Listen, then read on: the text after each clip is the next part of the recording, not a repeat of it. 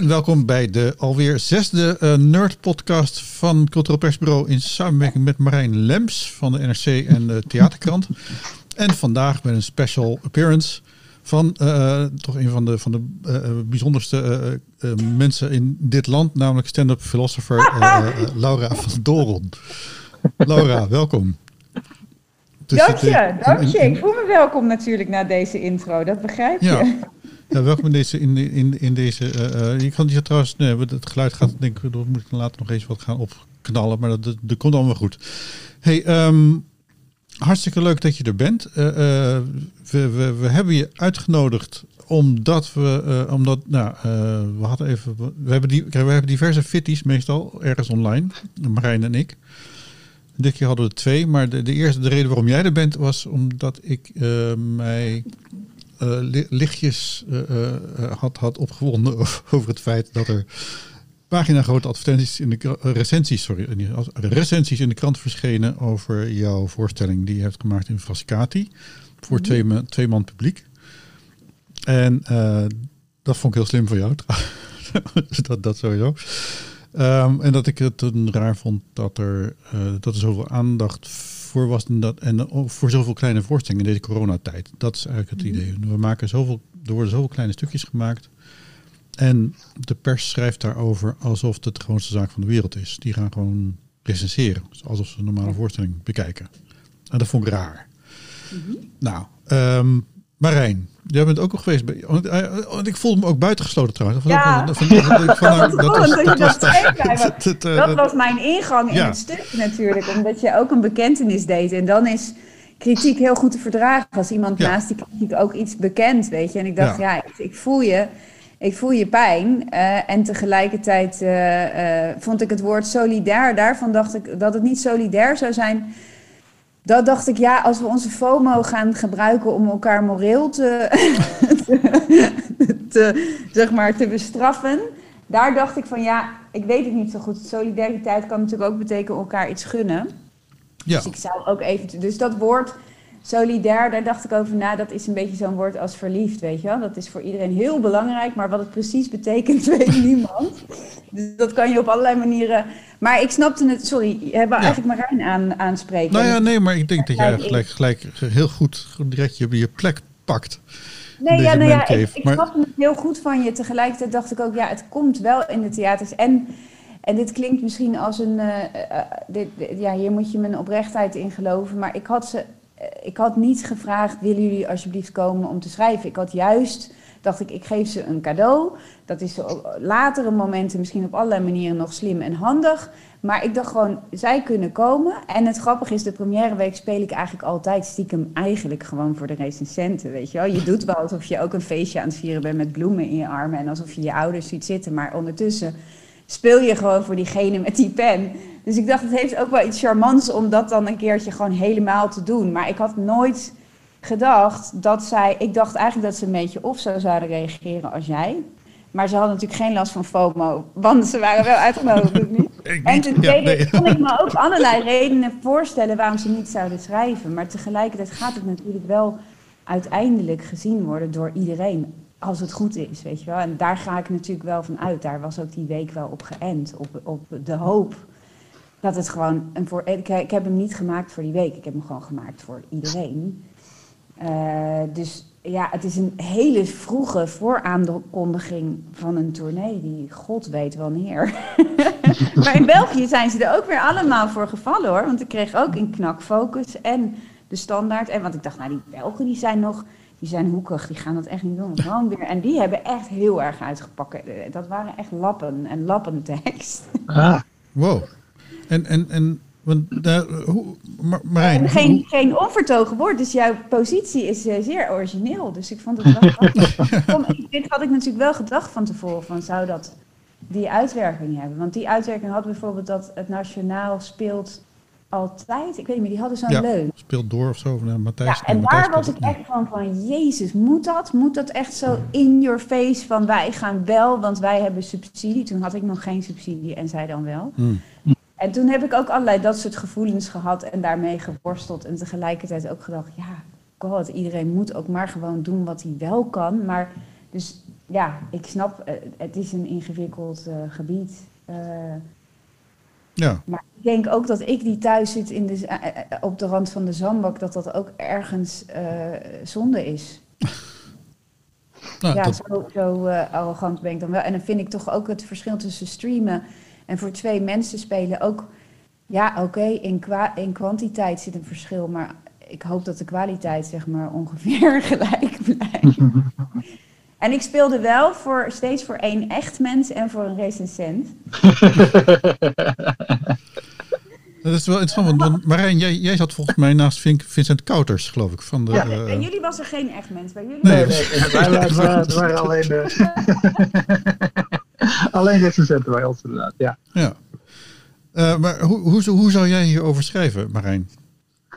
Uh, ik uh, heb dus natuurlijk... Dus los van goed vond of niet, maar van, van zo'n zo'n ja. gelegenheid. Dat is eigenlijk de... Begrijp ik.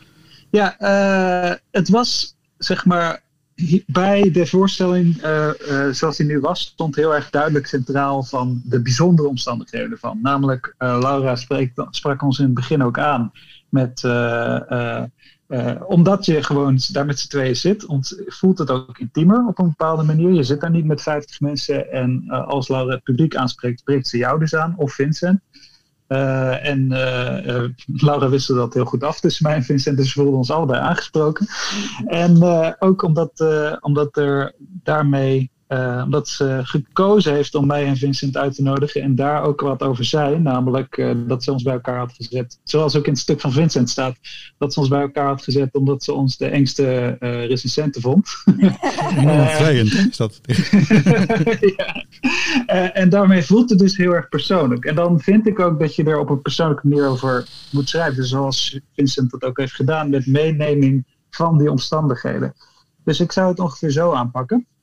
Uh, alleen, ik denk wat hier ook een rol in speelt, is dat wat ik een beetje uit het stuk dat jij erover schreef uh, meekreeg, is dat jij zoiets zei van ja, uh, maar dat is dus een, een privilege om nu naar die voorstellingen te gaan en niemand anders ziet die voorstellingen, dus waarom zou je er dan over schrijven alsof het een gewone voorstelling is? En ik denk dat dat ook een beetje te maken heeft met dat ik daar iets anders in sta, is met de vraag: schrijf je een recensie als een soort van um, ja, met, uh, voor het publiek dat er nog naartoe zou gaan? Of schrijf je een recensie ook als verslaglegging van, een, van iets dat gebeurd is? Namelijk een, ontmoet, namelijk een kunstwerk dat gespeeld heeft en een ontmoeting tussen uh, een kijker en dat kunstwerk. En die laatste, zou ik zeggen, is wel een rechtvaardiging om over dit stuk te kunnen schrijven, omdat het een, een werk is dat heeft plaatsgevonden en daarmee ook interessant is voor de lezer om over te lezen, uh, ook al kan hij dat zelf niet bezoeken. Dus die dingen spelen denk ik een beetje een rol in, in hoe ik daarover denk. Ja, ja, voor, voor mij zou het ook, zeg maar, uh, stel, stel dat ik zou zijn uitgenodigd door Laura van Doron. Mm -hmm. dat was één ding. Maar ken ik, maar ken ik word niet gevreesd door Laura van Doron. Uh, maar, maar, oh shit, dit is een heel slecht incentive voor jou. Ja, ja, dit is enorm, enorm, enorm. Nee. Nee, maar, dan, dan, uh, dan zou ik denk ook wel die insteekjes die jij uh, aangaf net, van het, de, de, het verslag van een persoonlijke ervaring.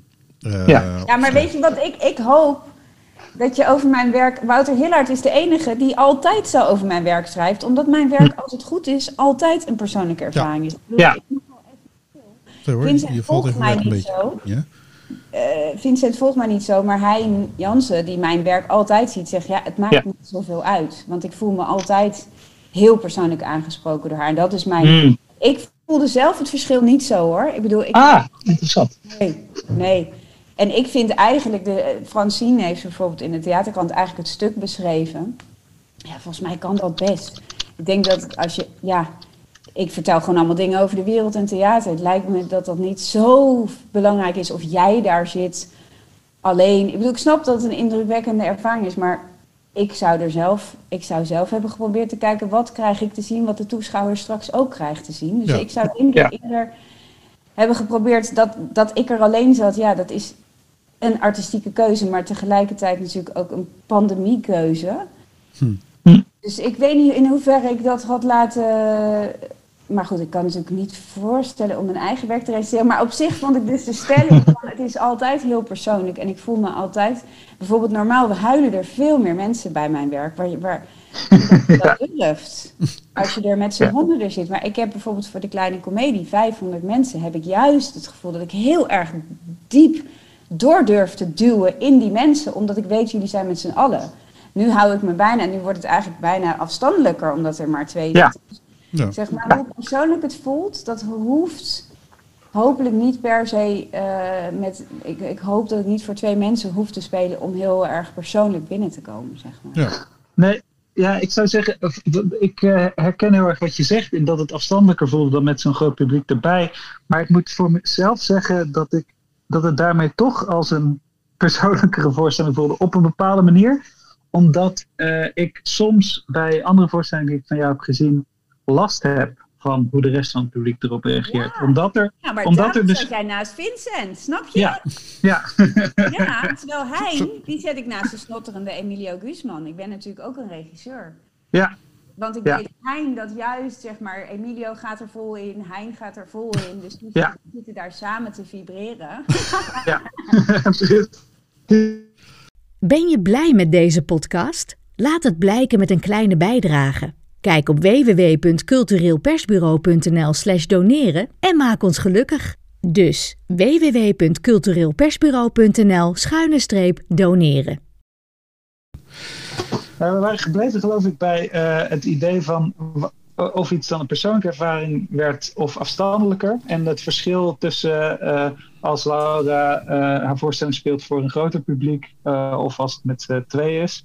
En het laatste wat ik erover had gezegd was dat het dus voor mij juist ook een bepaalde manier persoonlijker voelt. Omdat ik uh, af en toe, als ik met een groter publiek naar Laura's voorstelling kijk, uh, het lastig vind hoe de rest van het publiek reageert. Omdat ik me dan in een bepaald frame gedwongen voel in de voorstelling. Als het rest van het publiek juist emotioneel reageert.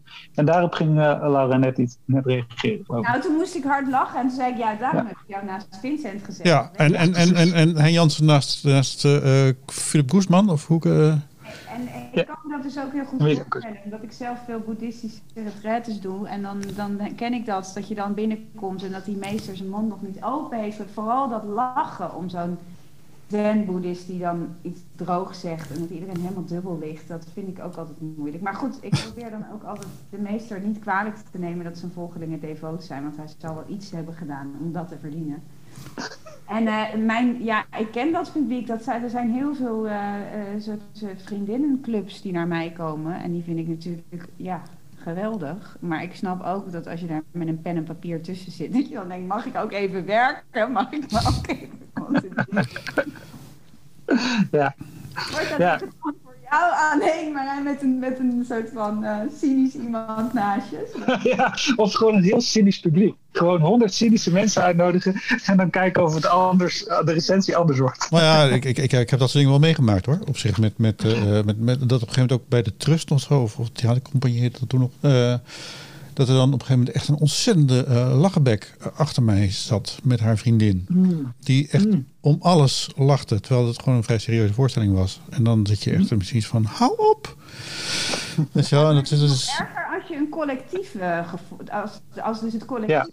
beslist dan jij. Of al besloten heeft voordat het begonnen is. Dat, dat is ook, dat vind ik. Dat heb ik altijd met cabaret, vind ik dat heel moeilijk. Weet je, zoals Theo Maas' voorstelling vond ik eigenlijk vooral als publiek gewoon zo vreselijk dat ik eigenlijk helemaal niet kon kijken. En ook boos werd op hem omdat er allemaal mannen met hele hoge Edwin spijkerbroeken gingen lachen om grappen over vrouwen met hoofddoeken grappen.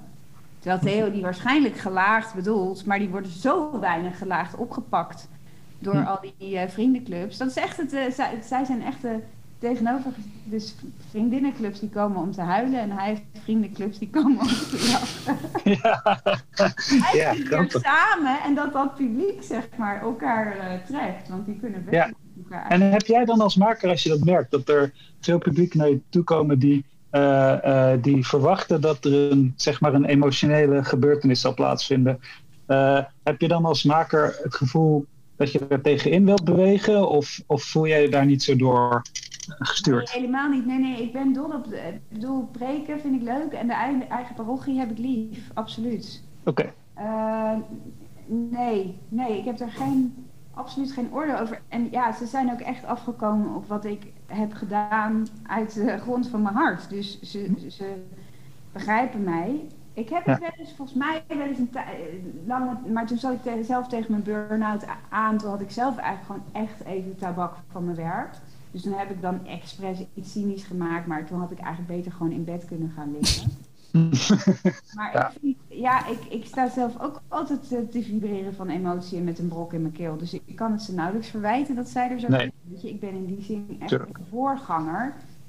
En kennelijk mis ik, mis ik emotionaliteit in het dagelijks leven of, of, uh, of tranen of dat soort. En er zijn niet zoveel plekken waar je naartoe kan gaan om te huilen. Nee, nee, eh, dat is wel interessant. Ik heb zelf nou het gevoel dat ik steeds meer uh, neiging krijg om, om tranen te laten bij, bij voorstellingen. Of dat met de ah. leeftijd te maken heeft, weet ik ook niet. Maar uh, zeker als er muziek bij komt, dan hou ik het niet droog. Bedoel je nu het afgelopen jaar of gewoon nee, al, al, al jaren? jaren. Ja. ja, precies. En ik bedoel, dan, dan, wil niet zeggen direct dat huilen een, een kwaliteitsding uh, uh, is of zo. Want dat, oh, het is pas goed als je geld hebt. Want ik heb, ik heb bij Alain Platel echt om, om, om de meest, ja. zelfs om Celine Dion moeten huilen. dat, dat, is wel heel erg. Hoe hij dat inzet, toch? Ja, ja. Dus Zeker. Kwaliteit. Ja. Ja, dus... Ik heus wel dat jij dat gek vindt dat je om Celine... Dus eigenlijk is het briljant. Ja, natuurlijk is, natuurlijk is ook. Daarom bewonder ik de man ook uh, gigantisch. Ja. Maar ik vind het eerlijk gezegd... Ik moet eerlijk zeggen dat ik lachen minder een kwaliteitskeurmerk vind dan huilen. Ja. Ah, terwijl, ik vaker heb gehoord dat het, uh, dat het moeilijker is om een publiek te laten lachen dan te huilen. Maar ja, goed, dat zijn alleen, alleen van dat soort. Ja, maar dat zijn dat soort van idee fixes die ik dan mee heb gekregen zonder dat ik weet of daar ooit onderzoek naar is gedaan. Maar dat het daarmee wel eens wordt gezegd. Maar dat ging ook over filmmakers eerder. En misschien dat dat ook te maken heeft met het gebruik van muziek bijvoorbeeld. Dat als je zeg maar uh, een viool onder een scène zet, dat je een filmpubliek redelijk makkelijk aan het huilen kan brengen. Uh, en dat, uh, dat, lach, dat lachen vaak met een bepaalde komische timing te maken heeft, die waar. Nou ja, goed. Maar goed, dat zijn alleen maar uh, veronderstellingen die ik natuurlijk niet hard kan maken. Volgens, volgens mij is het allebei even moeilijk. Alleen... Wat ik daar tegen in zou willen brengen is mensen willen graag lachen en mensen hmm. verzetten zich tegen huilen. Dus dat is, daar moet je ze net iets meer over een hobbel heen helpen of zo, denk ik. Of daar heer ja. dat zelf met huilen. Dat ik zo vlak voordat het ja. denk, nee, nee, nee. En als je het eenmaal doet, denk je, ja, natuurlijk wel. ja. En dat verzet moet je breken. En, en ja. ja. lachen, mensen zijn ook altijd wel blij als er iets... Ja, dus lachen voel ik altijd... Hoewel je kan ook bepaalde... Ooit was het in Frascati moeilijk om ze aan het lachen te krijgen. Omdat ze toen nog... Oh ja. Nee het is wel serieus hier, maar dat is inmiddels niet meer eigenlijk. Hmm. Oké. Hey, maar, maar om even nog even terug te gaan naar, naar uh, on, on, ons uitgangspunt. Want ik bedoel, ik, ik ben inmiddels wel enigszins overtuigd van, van, van dat, uh, nou ja, het exclusieve karakter van jouw voorstelling, uh, Laura. natuurlijk maar, maar relatief is, omdat het uiteindelijk gaat om een voorstelling die ook nog zodra mogelijk iedereen met een, met een blauwe arm loopt, we allemaal weer, weer de zalen in kunnen. Um, het, het, kwam nou voor mij wel een beetje voort uit een soort. Ja, dat, dat ik inderdaad soms, soms gewoon te veel een soort verbondenheid voel van, van de recensenten die op hun eigen manier doorgaan. Theatermakers die, uh, weet je wel, maakt niet uit voor hoeveel mensen je speelt, je speelt. Uh, en, en dat op een gegeven moment ik voel dat zeg maar zelf, als even mijn eigen persoonlijkheid uh, erin inbreng. Van ik zit zelf in een soort zelfgekozen quarantaine uh, in een buitengewoon leuk huisje met een slechte internetverbinding. en hoe heet het? ja, de trein. Ik bedoel, ik, ik moet als ik naar het theater in Amsterdam of Den Haag wil, dan moet ik met de trein. En uh, trein doe ik dan liever niet. Of ik moet een auto huren, maar dat vind ik ook een beetje veel van het goede. en, en dan met, je met 30 man naar zo'n voorstelling toe. En ik, ik, ik vond er allemaal heel erg zo van, van misschien omdat ik vroeger te vaak aan, aan de redactie heb moeten uitleggen van ja, maar hoeveel mensen gaan er dan heen? Nou, uh, 300 zitten in de zaal. Ja, daar gaan we toch niet voor schrijven. Dus dat, ik, ik heb misschien daar nog wel een soort tik van meegekregen. Uh, dat ik dan denk van ja, maar, maar we moeten het wel blijven verkopen dat, dat het voor iedereen is. Dat in ieder geval de mogelijkheid er is voor iedereen om, om erheen te gaan. En als, het, als we gaan naar een. Weet je wel, de, de, dus van, van, van ik, ik, ik vind het dus lastig. Om, om zeg maar in deze tijd, als, als er voorstellingen worden gemaakt die in een hele tournee 300 mensen kunnen zien, want 10 voorstellingen voor 30 man. dan ja. weet je wel, van, van, moet, moet je daar zo over schrijven alsof het, uh, of, of, moet je het exclusieve ervan juist benadrukken in je schrijven? Je mag er wel over schrijven natuurlijk, dan graag zelfs. Maar moet je dan juist niet zeggen van, van ja, maar dit is heel bijzonder, dit kan niet, niet voor iedereen, dus ik ga zo goed mogelijk beschrijven wat je gemist hebt. Wat natuurlijk de meeste mensen lezen recensies pas achteraf, niet vooraf. Wat denk jij daarvan, Laura?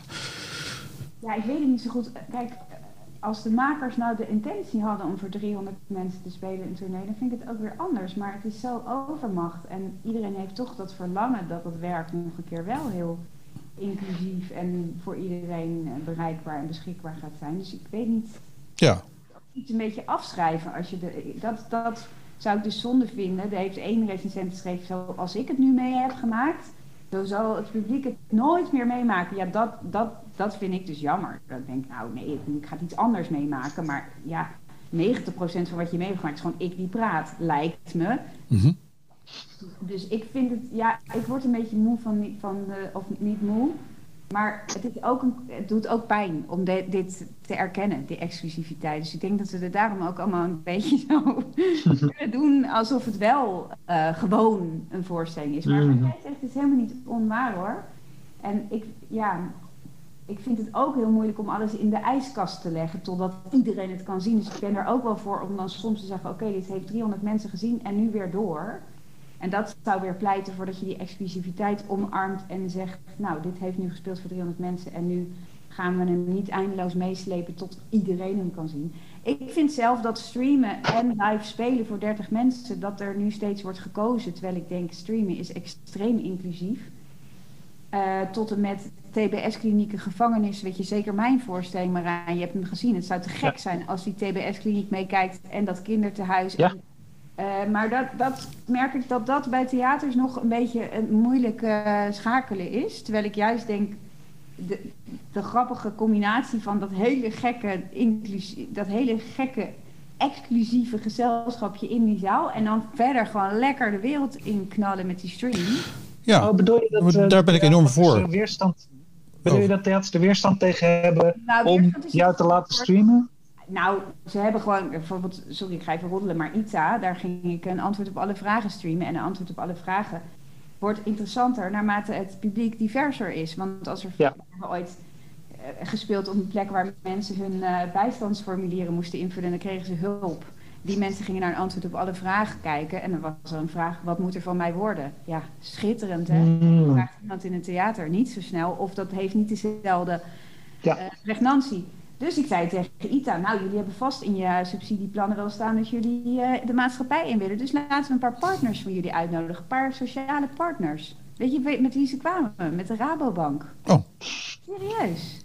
Ja. Ja. En dat soort dingen kom je wel tegen als je... Dit, wordt, dit gaat gewoon in de, in de podcast mee, hè? Dus ik weet niet of je nog relaties had bij de... Echt niet want ik ga daar nog... Ik, ga, ik wil ze graag helpen bij het komende jaar wat meer van die... Ik ga Kijk. ook nog... Ja ik ga ook nog met hun een gesprek daarover aan. Omdat ik ook wel voelde dat allebei de partijen voelden... oei, het is een beetje een, uh, een raar uh, moment. En zij denken natuurlijk, adelheid doet dat. Ja. ja. En die doet dat ook met verven veel beter dan dat ik het ooit zou kunnen. Dus in die zin...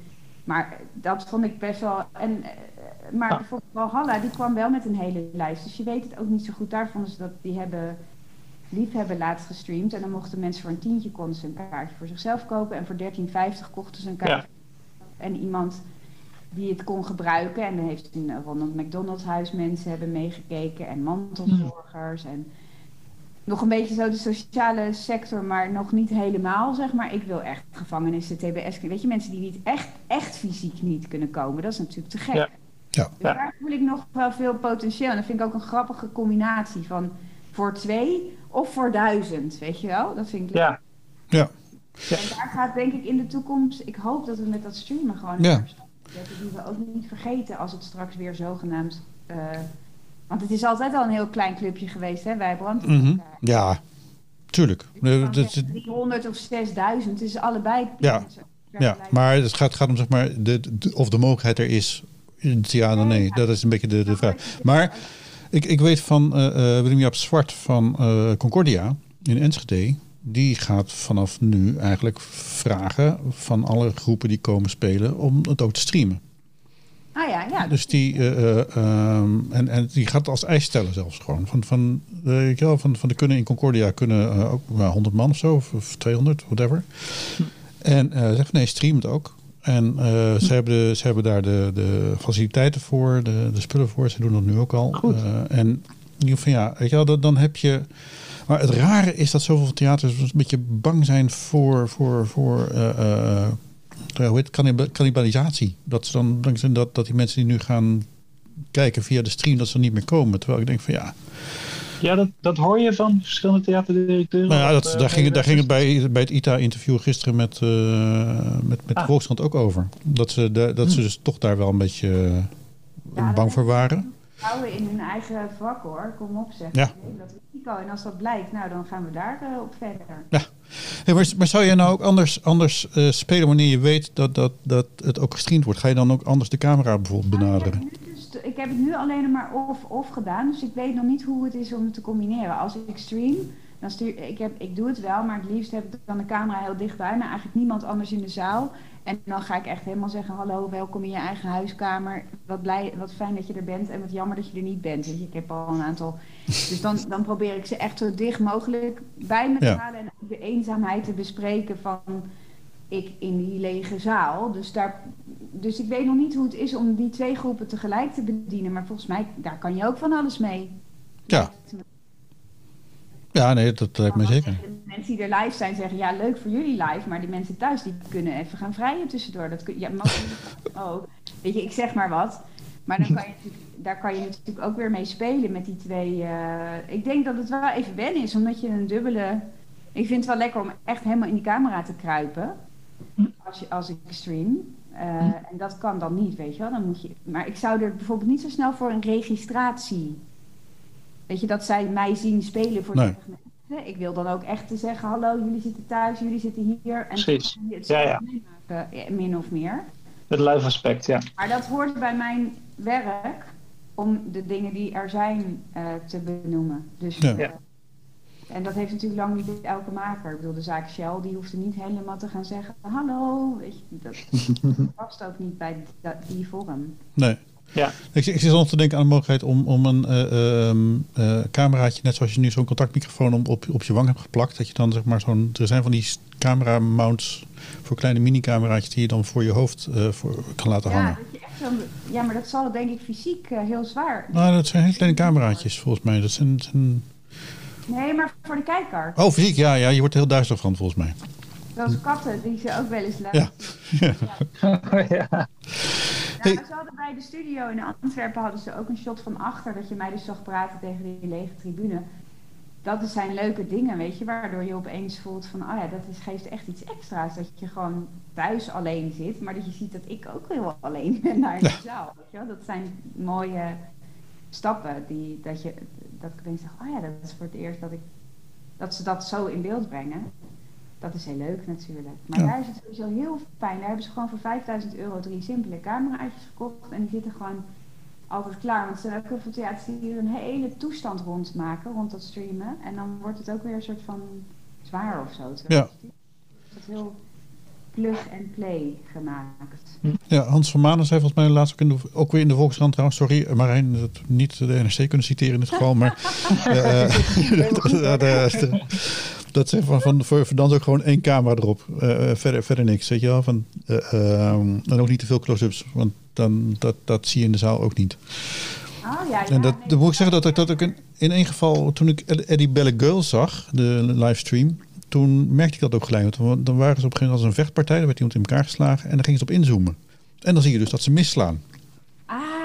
Ah, En dan denk je dus van, fuck, weet je wat, terwijl, terwijl, terwijl het gewoon de, de, de illusie is van, je zit in de zaal en je ziet gewoon een vechtpartij als, als Ja. beeld. En dan wil ik niet zien dat ze dan inderdaad, of, of, of de tanden naar werk uitvliegen of niet. Dat, dat- ja, daar, daar gaat het dan niet om. Het gaat om het beeld. Dus dat is een ander, dus je moet Ja. het ook weer anders aanpakken dan televisie. Toch weer. En dan niet proberen televisie te maken juist. En, en, en juist weer dat, dat, dat rare van die zaal meepakken. Hey, ik, ik, ik, ik, eh, um, I stand corrected, vind ik eigenlijk wel. Met mijn, eh, met mijn boos. Ik, ik vond het goed om te, te melden. maar ik, om jou te corrigeren. nee, nee, nee, maar ik, ik, ik, ik denk, denk wel dat ik, dat ik hier weer wat van geleerd heb van, van dit gesprek. Ik ga eventjes een heel korte uh, commercial break daardoorheen. Oh, ja, ja. Nog meer Ben je blij met deze podcast? Laat het merken met een kleine bijdrage. Kijk op cultureelpersbureau.nl slash doneren en maak ons gelukkig. Zo, en dan zijn we weer terug bij de uh, uh, Nerd Podcast. Dit keer met drie nerds. Marijn Lems en uh, Laura van Doron en ondergetekende wij rond Schaap. Laura van Doron, stand-up philosopher. Um, het, ja, ja, nerd. Dus ik voel me er wel thuis bij de term. Ik ben met een nerd, dus ik denk al dat ik het dan niet ben, maar ik zou het best willen zijn. Ja. ja, het, de, de, ik, ik, weet niet of we volledig een nerd zijn, want ik heb net zojuist mijn, mijn computer opgeblazen. Maar en dat doet nerds doorgaans niet. Um, dat is weer even een ander verhaal. Uh, maar uh, misschien leuk als je er even bij blijft, want uh, Marijn en ik hadden deze week nog een ander issue. Um, en dat is misschien wel leuk. Misschien heb je daar wel, iets, heb je daar wel gedacht over. Um, dat ging over Red Light, de serie van uh, Aline Rijn en uh, Esther Gerritsen en um, uh, van Houten. Mm -hmm. heb, jij, heb jij daar een aflevering van gezien al, Laura? Nee, ik heb het wel een beetje gedacht, misschien, maar dan kom ik toch steeds bij slechte dokterseries op Netflix terecht. Dus Oké, okay, ja. Uh, uh, gewaagd, nee. nee. Nou, dat is op zich niet heel erg, want ik denk dat, dat, dat ik heb één aflevering gezien en uh, pas naar aanleiding van, want Marijn, jij, jij had een artikel gevonden en dat, ja. dat citeerde jij en, met ontzettend veel in, instemming op Facebook.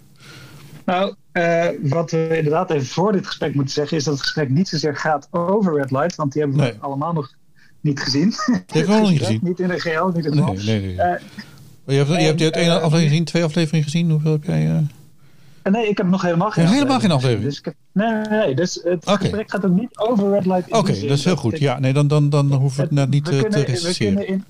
We kunnen in dit gesprek geen kritiek op Red Light zelf voeren, maar wel gaat het over de discussie rondom het programma. Want mm -hmm. uh, uh, in een aantal recensies en ook in de media-aandacht die er voor de serie is geweest, werd de nadruk gelegd op dat er heel veel onderzoek was gedaan in de prostitutiesector om de serie eigenlijk uh, ja, realistisch te laten zijn. Om, om mee te nemen hoe het in de prostitutiesector precies aan toe gaat. En toen is er in Recto Verso is er een artikel geschreven van de coördinator van een uh, belangenvereniging van sekswerkers in uh, Antwerpen, geloof ik. Uh, die juist heel veel aan te merken had op hoe de prostitutiesector in beeld werd gebracht in de serie. En ook met een aantal mensen had gesproken die de makers hebben gesproken. en dat die een aantal mensen aanhaalt die zegt van ja, ze hebben eigenlijk helemaal niet geluisterd. Ze hebben eigenlijk alleen maar hun eigen vooroordelen uh, uit die gesprekken gehaald, op die gesprekken geprojecteerd. En dat is weer in de serie terug te zien.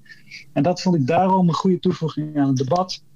Omdat, uh, omdat juist zo de, de, de, het idee werd gewekt in de media dat, het, dat het een heel natuurgetrouwe serie was. Dus nogmaals, ik kan er zelf niet over oordelen, want ik heb de serie niet gezien. Maar ik vond het daarmee wel een heel goede toevoeging aan het debat in brede zin. Om als überhaupt experts uit, uh, uit bepaalde gebieden zich uitlaten over. Kijk, wat we in deze serie zien. Uh, uh, daar is nogal het een en ander op aan te merken. En die schrijver die had ook een, een positief voorbeeld genoemd, namelijk The Deuce, een Amerikaanse een HBO-serie van de maker van The Wire over de, de porno-industrie in uh, de jaren zeventig in uh, Amerika. Ik weet even niet meer welke stad. Waarin hij zei van kijk, in deze serie wordt juist de agency, oftewel het handelend vermogen van de sekswerkers zelf veel meer centraal gesteld. En dat was eigenlijk zijn voornaamste kritiek op Red Light. Dat alle sekswerkers daar als slachtoffers werden neergezet. En dat hij, dat, uh, dat hij daar eigenlijk niet mee akkoord ging. Daar ging eigenlijk de discussie over. Okay. En toen, ja toen ontstond de discussie eigenlijk verder uh, naar aanleiding van dat, uh, van dat artikel over uh, moet je um, überhaupt. nou ja, goed, misschien kun jij dat zeggen. Nou ja, want, ik, ik, ik, ik vond het artikel, want later nog in de standaard verschenen is, vond ik nogal de, de moral high ground bewandelen. Um, dat als eerste. Ik vond, vond zeg maar, qua argumentatie niet, niet allemaal even sterk. Omdat hij bijvoorbeeld zei dat, ik geloof, 70% van de sekswerkers dat doet uit vrije keuze. En dan wel meestal uit financiële redenen. Dat vond ik al zo'n beetje lastig uh, argument. En tegelijkertijd vond ik ook van ja, uh, moet een, een dramaserie per se uh, alle bokjes aan hebben getikt. Om het maar even uh, in, in het fout Engels uh, te vertalen. Dus is, is het Ja, Laura. Ik vind dat zij zelf heel erg doen alsof ze die hokjes hebben aangetikt. Als je dat niet doet, dan hoeft het niet. Maar zij staan zelf in volgens van magazine als een soort feministes. Met helemaal gestyled en gebotoxed. dus da, ja, daar kan ik van alles ook nog bij denken. Maar ik vond, wat ik tekenend vond, was het zinnetje... Ja, we hebben dus hele echte vrouwen. Als uh, er is een eh, stripclub... En ja, je, je hebt natuurlijk enorm behoefte om daar allemaal bloedmooie meiden neer te zetten. Maar daar hebben we tegen gevochten. Dus we hebben normale meiden gezet. En denk ik, dus het woord bloedmooi wordt hier gebruikt voor wat? Voor dat beeld wat we allemaal kennen. Namelijk dat is heel erg slank en anorectisch met hele grote tieten. Dus als je echt iets wil, dan moet je het woord bloedmooi openbreken. Maar dat wordt in zo'n interview. Dus ik denk, ja, als vrouwen dit soort dingen zeggen zonder het zelfs maar door te hebben. En als ze hun ding man-up noemen, ja, blijft het, ik vind het, het zal wel ironie zijn. Maar ja, ik vind het moeilijk. Hmm. Dus door dat zinnetje dacht ik, oh, ik heb geen zin om te kijken naar hoe jullie dat dan lelijke, echte vrouwen neerzetten. En ik zag een flits van een stripclub en daar stonden alleen maar fotomodellen. Dus ik dacht ook al, oh, nou dat... Nee, ik heb nog geen lelijke vrouw gezien uh, in, de, in de aflevering die ik gezien heb. Maar ik maar... dat categorieën lelijk en mooi weer zo... En zij zitten ook natuurlijk in de categorie mooi zelf. Zo Oh, oh Laura schiet nu vast oh, waarschijnlijk. Het is waarschijnlijk een, een Oh nee, die zijn we langer weer kwijt. Ja, we zijn langer kwijt. Dit zijn de, de Zoom-perikelen uh, uh, van, van dingen. Net op het moment dat het echt spannend wordt, gaat Laura, ah. schiet Laura vast. Um, Wacht, ik zal er even, ik zal er even sms'en kijken. Kijken nu naar een tevoren beeld. Dus, uh, we, we, zoeken nu contact met Laura van Doron. Uh, die, die, die, maken dit allemaal uh, in, ah, in, in de... je, viel, je viel even weg, Laura. Nu horen we je weer. Heel eenzaam, want ik stond ja. heel onaardig te praten over Alina. En, uh, en dat is onzin hoor. Maar ja. het viel me gewoon op. Dat die ja. bloedmooi vind ik sowieso altijd een beetje een hyperbol waar ik het een beetje benauwd van krijg. Van bloedmooi is altijd iets heel heftigs. En om dat er dan zo in te gooien en dan te zeggen, maar we hebben dat niet gedaan. Eh, want we hebben dus minder mooie vrouwen. En dat je ja, dus daardoor dacht ik, ik weet het niet of ik ga kijken. Ja. De, de, de vraag is nu wel trouwens, maar dat is misschien. Dus je kijkt naar. Ik, ik denk op zich wel van. van ik, ik heb wel van alles op serie aan te merken. Dus maar dat is alleen op basis van één aflevering. Dus dat vind ik dat ik daar niet al te veel over kan zeggen. Um, de publiciteit, wat jij nu ook aangeeft, dat ze zichzelf zeg maar wel op die uh, documentaire-achtige werkelijkheid uh, beroemen, dan, dan is het op zich meer legitiem om inderdaad, nou, wat, wat zo'n wat zo'n Belgische uh, belangenbehartiger dan. dan... Agency, het woord agency nemen zij zelf heel erg in de mond. Hè? Dus zij ja. maken dingen waarin vrouwen wel het heft in handen nemen. En dat vond ik van die film die ze hebben gemaakt met die. Uh, vond ik ook. Dacht, nou, ik weet het niet. Als ik dit nou zo krachtig uh, signaal vind naar wie Ja, dat is inderdaad wel interessant. Ik bedoel, ze, ze, uh, ze, zwengen eigenlijk zelf het debat over wat is feministische representatie aan. Dus dan vind ik zeker in die gevallen het wel nuttig en, uh, en correct om ook als criticus, of als die dan ook die serie ziet, daarover, daarop te reflecteren en zeggen van oké, maar welke beelden brengen ze nu precies in beeld en welke werkelijkheid brengen ze nu precies in beeld en klopt dat wel met hun aspiraties? Ja, ik vond die instinct deed me heel erg denken aan die Paul Verhoeven film waarin een uh, verkrachter en zijn slachtoffer een spannend kat- en muisspel spelen waar ik zelf van hm. fuck. Basic Instinct, William. Ja. Nee. Ja, inderdaad, ja. Zo, nee, hoe heet hij nou? Die stomme... Ja, de film van Alida Rijn heet Instinct en uh, Paul Verhoeven heeft een film die maakt die basic is. Nee, is het Paul Verhoeven die die enge film heeft gemaakt met, uh, de, die gaat over die verkrachte vrouw. Met de bievershot. Oh, ja, ja, nee. met, uh, jij bedoelt die nieuwe, nieuwere film met Isabelle Huppert. Oh, ja. hoe, heet, nee, hoe, ja. Heette die, hoe heette die ook weer? En daar is heel veel om te doen geweest. Ja. Dat heeft die expres ook een beetje zo in de wereld. En dat moet dan heel krachtig zijn. Dat die vrouw zich verzet tegen. Maar er is een soort heel spel dat het zogenaamd heel spannend en een soort sprankelend is. Terwijl ik heb die gekeken met iemand die verkracht is. En je wil gewoon uitzetten heel snel als je voelt dat de kant op gaat. En deze film deed me daar wel een beetje aan denken. Van ja, dat het een soort van leuke, spannende, leuke erotische spanning zou moeten oproepen. Deze, deze kwestie vind ik moeilijk. Ja. Dat het een soort van frivol spel oplevert uh, om over grenzen heen te gaan. Ja, dat vinden bepaalde mensen geloven dat natuurlijk graag. Want dan legitimeert dat over die grenzen heen gaan. Maar goed, ik, eh, ja, ik hou wel van het nieuwe serieus, weet je wel. Dat bepaalde dingen gewoon niet frivol zijn. Dus ik heb dat ook met uh, happy hooker en dingen als prostitutie hoeft voor mij niet zozeer als een soort van iets aantrekkelijks of sjeuigs neergezet te worden. Maar daar zullen veel sekswerkers dat vinden dat misschien ook vervelend. Dat ik het allemaal zo somber wil. Uh. Nou, nou goed, dat was in ieder geval wat, wat die Belgische sekswerker of de belangenbehartiger wel erg vond. Dat het, dat, dat, dat, dat, dus, dat het weer zo'n zwart beeld was van de prostitutie. Nou, volgens mij ging het niet eens over het, per se over het zwarte. Uh, want uh, hij erkende zelf volgens mij ook in het stuk dat er gewoon veel misstanden zijn. Alleen hij maakt zich zorgen met name over als je de, de wereld van de sekswerker representeert waarin sekswerkers alleen maar slachtoffer zijn en zelf geen handelingsvrijheid hebben, dan kan bijna de enige politieke conclusie zijn: het moet afgeschaft worden en het moet verboden worden. En dat is iets met name waarin hij, waaraan hij heel erg uh, uh, uh, zich tegen verzette omdat hij als vertegenwoordiger van sekswerkers merkt van ja, als het weer in de illegaliteit terechtkomt, dan, dan wordt het alleen maar erger met vrouwen die in zo'n positie terecht zijn gekomen dat ze, dat ze voor sekswerk kiezen, om welke redenen dan ook. Nou. Uh, dus dat was ook onderdeel van het debat van of dat, of, of dat iets is dat je, uh, waar, waar je over kritiek kan hebben. Als je een bepaalde representatie van de werkelijkheid oplepelt, dat dat effect heeft op hoe mensen naar de wereld kijken. Dat lijkt me, dat lijkt me vrij onomstotelijk. Ja. Maar is het dan zo dat, dat je dan kritiek mag hebben op makers als ehm, in die zin. Dus dat, dat ze een bepaald beeld van de werkelijkheid geven.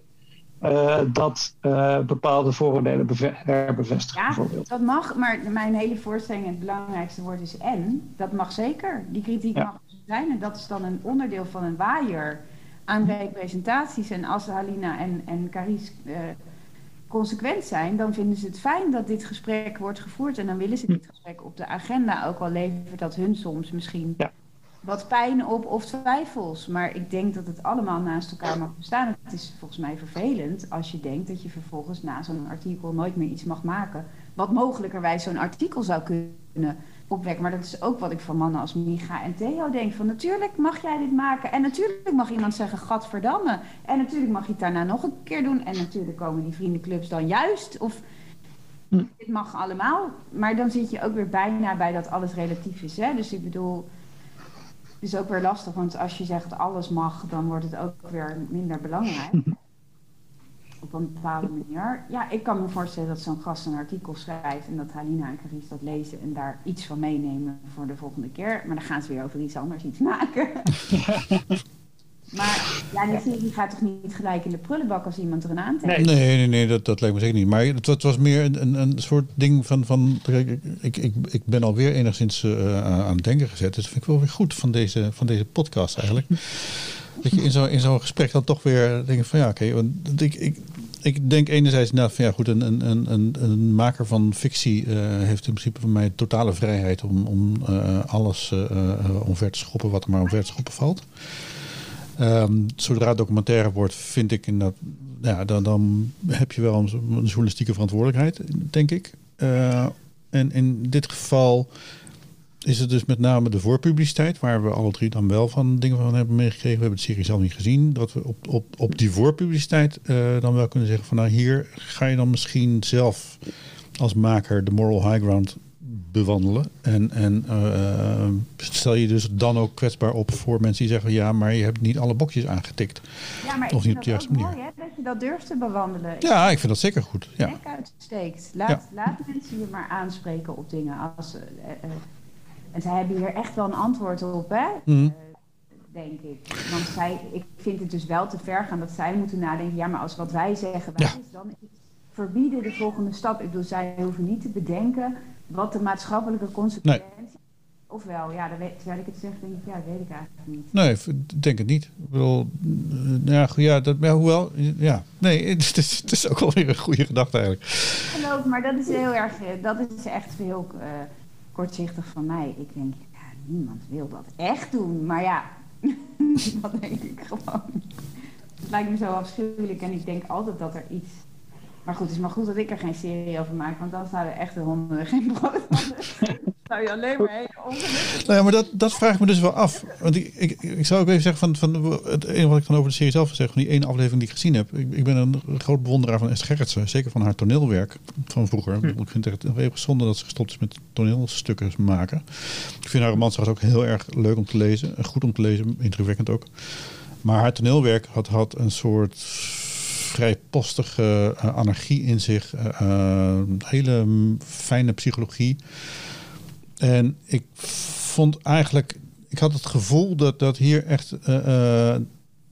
dat, dat er over het basiswerk van Esther Gerritsen een enorme berg scriptdokters heen was gegaan. Die het allemaal mede te moeten laten voldoen aan Amerikaanse videonormen. Mm. En ehm, waardoor er inderdaad een soort, een soort, soort, soort. Ja, dat, ik, ik, heb, ik heb zo het gevoel van als, als, als je Esther echt de vrijheid zou geven, dan zou er een heel erg grappig, raar Hollands drama uit voorkomen. Wat waarschijnlijk veel leuker zou zijn om te zien dan, dan zeg maar deze. Ik, ik heb één kort fragmentje, toen zag ik wel Carice met een kamerplan uh, sjouwen. Daar dacht ik wel van, ah, dat is wel lekker. Dat zijn wel Esther Gerts dingen, denk ik. Ik denk, denk ook dat, dat ze... Uh, het is uitgezet, denk ik. Oh ja. Ja, nee, maar ja, het schijnt dus, want Joyce Roodnat heeft overgeschreven in de NRC. Oké, okay. ja, kunnen de NRC citeren, ja, ja. Dat heb ik gezien. Ik vind het ook wel te gek dat zij gewoon schrijft over dingen die ze tof vindt. En ik vond de energie... Ja. En als je het niks vindt, hou je bek. Zoek iets wat je wel leuk vindt. Ik vind dat wel ook echt heel tof aan haar. Dus ik dacht, ik ga de serie niet kijken, maar ik vind de energie met, waarmee jij... En ze schreef ook over de eerste aflevering, of iemand zeurde over de eerste aflevering. Zei ze, ja, dat is een beetje uitleg, maar daarna is het smullen, zeg maar. en dat is wel ook heel fijn. Ja. Maar. Als iedereen gaat schrijven over wat hij leuk vindt, dan, dan gaat iedereen... Maar, maar goed, uh, ja, uh, kunstenaars op hun verantwoordelijkheid aanspreken. Deze man heeft wel een podium natuurlijk ook genomen, omdat zij die serie hebben gemaakt. Ja, ja. Nou, um, we zitten inmiddels alweer bijna op de drie kwartier. Ja, met alle dat pauzes. hebben over de afstand maker. Maar de, de, dat hadden we. Want ja. ja. Oh, quick, ja. Ja, nee, daar moeten we moeten nog. Nou, we kunnen op zich, we kunnen ook een volgende keer hierop doorgaan. Maar uh, uh, ja. we kunnen het ook nu, op, nu nog even pakken. Nou ja, het, het, raakt wel een beetje aan dit, weet je wel? Ja. Dat, dat, dat, dat, die dingen naast elkaar uh, mogen zijn. Ik moest denken aan, ik dacht daar even over na en ik had laatst uh, uh, met mijn allerbeste vriendin, uh, nichtje, als ik ruzie. Ehm, en ik heb een gezin en zij niet. En dat levert spannende combinatie van twee hele verschillende levens op. Daar moet Esther Gerrit een keer serie over schrijven. Maar uh, maar soms ook lastig, want ik heb dan kinderen en, en, dat, dat zijn een soort saaie praatjes en zij werkt bij een bepaalde krant, die ik niet zal noemen. Hij heeft allemaal bekende Nederlander verhalen en dan opeens beste vrienden met beroemde schrijvers en nog net niet op de set bij Carice en Halina, maar het scheelt niks, zeg maar. Dus uh, toen was ik daar een beetje duizelig van geworden, van dat name droppen van die BN'ers. Wat zij ook weer een beetje doet, omdat ze zo'n ander leven heeft, dat ze ook die sprankel van haar leven moet dan ook sprankelen, omdat ze eigenlijk ook wel ergens die kinderen een soort van toch wel had gewild, bla bla bla.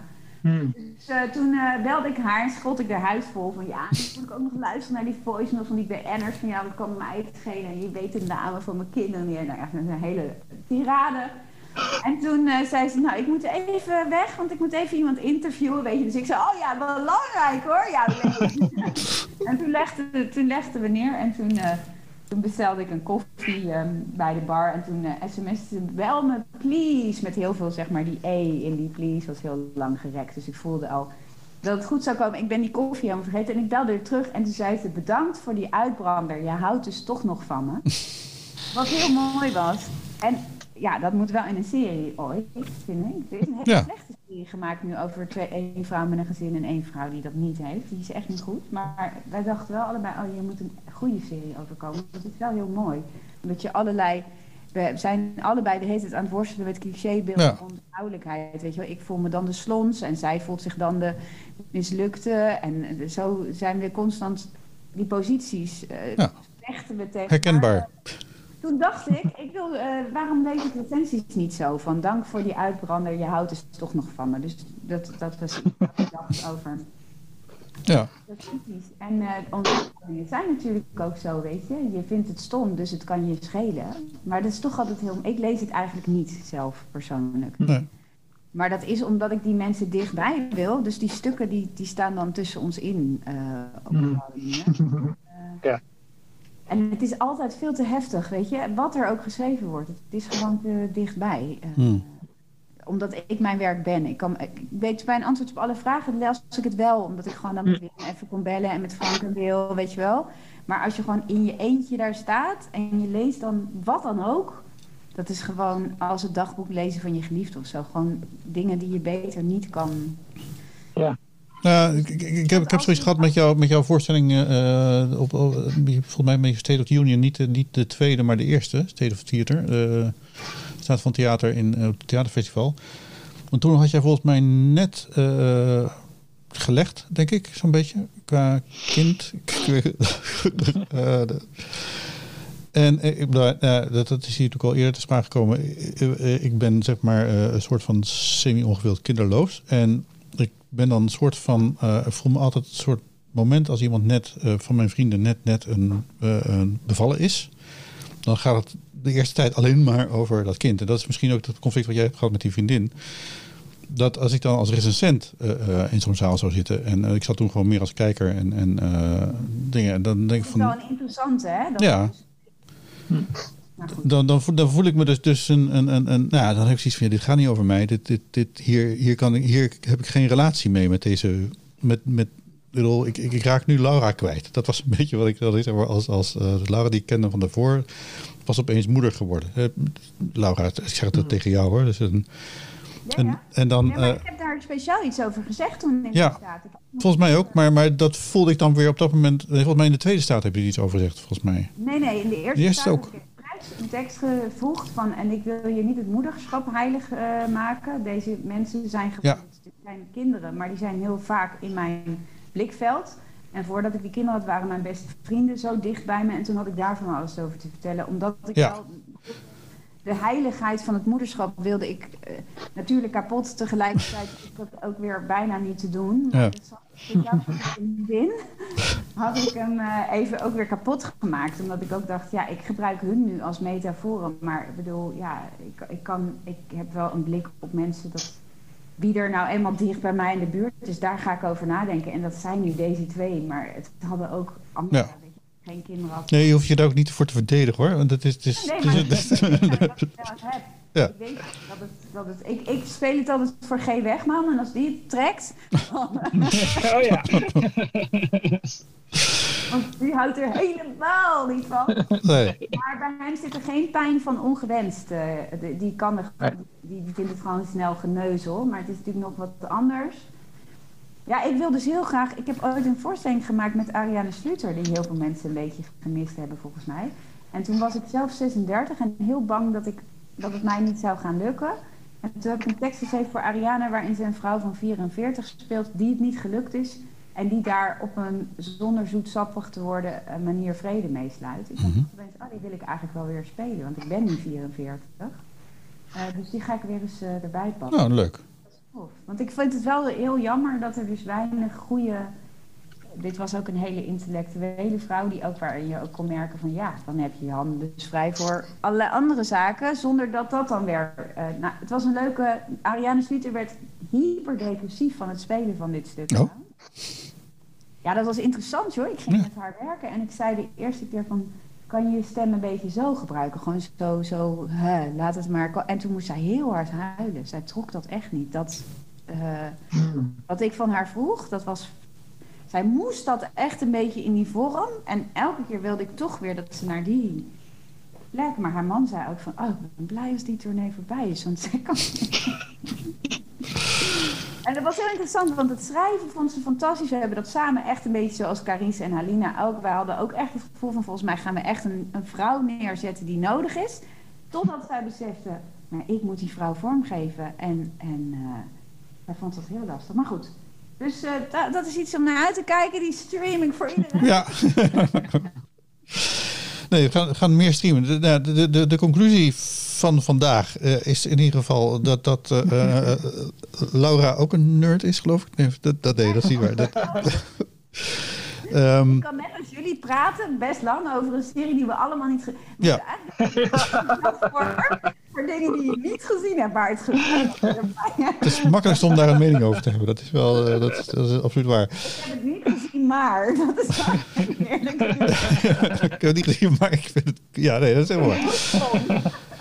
Hey, uh, um, ik, ik, ik, ik, ga, ik ga hem afronden. Um, en ik, ik zou het op zich best leuk vinden als je nog een keertje terugkwam, uh, Laura. Want uh, ja. je hebt een buitengewoon dan zinvolle bijdrage aan, aan het gesprek. Laat zo zeggen van. Dan kunnen ieder... we het dan, dan misschien alsnog inderdaad over die relatie tussen criticus en, uh, en kunstenaar hebben. Ook naar aanleiding van dat gesprek over wat Merel Rauw daar vorige week over had gezegd. Uh, ja, dat waar we het vorige week over hebben gehad, Wijbrand. Dus misschien ja. kunnen we dat dan nog een keer met z'n drieën uh, ter sprake brengen. Dat ja, en daar zijn de zuiderburen wel interessant in hoor. Die zijn daar veel... Wouter Hillaert die kwam gewoon naar me toe. Die vroeg, ik snap iets niet. Kan je het me ja. uitleggen? Echt serieus? Ja. Dan ging hij bij me logeren omdat hij zijn trein miste. En dan niet op die manier logeren. Nee.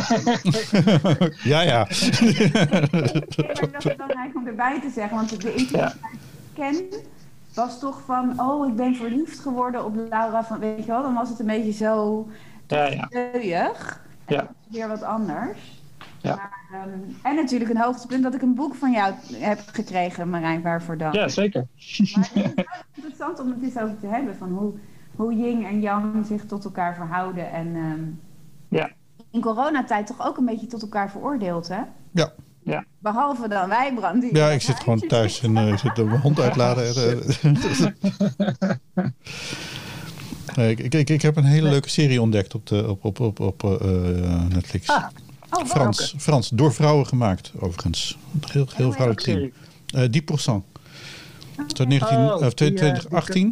Die, en die, die casting, gaat, die ja. castingserie, toch? Ja. ja. erg leuk. Bedoel, wel allemaal hele dunne Franse vrouwtjes die dan... Maar dat is... Dat, dat is ja, maar daar heb ik geen last van, nee. totdat je zegt... Ja, hè? nee, daarom. Dus dat, dat, dat, dat, dat, dat nee, een heel erg leuke serie. Uh, uh, Franse acteurs die zichzelf uh, spelen en, en op de hak nemen in het castingwereldje. Het, het is een beetje Mad Men-achtig, maar dan met vrouwen. En geschreven ja, door vrouwen. En, en iets kluchtiger, toch? Erg kluchtiger, ja, ja, ja. ja. Dus ik, ja, het, is, het, is, het, is, het is meer humor. Meer Franse ja. humor ook. Dus meer Europese ja, humor. Dat hebben, dat ja, hebben we tegenwoordig nodig. Uh, goed. Hey, uh, uh, voordat we weer een uur hieraan vast plakken, ga ik nog eventjes een, een, een, een kleine tune er doorheen gooien. En dan zou ik zeggen tot de volgende keer. Ja. Ben je blij met deze podcast? Ben jij? Laat het blijken met een kleine bijdrage. Kijk op www.cultureelpersbureau.nl slash doneren en maak ons gelukkig. Dus www.cultureelpersbureau.nl schuine streep doneren. schuine streep doneren.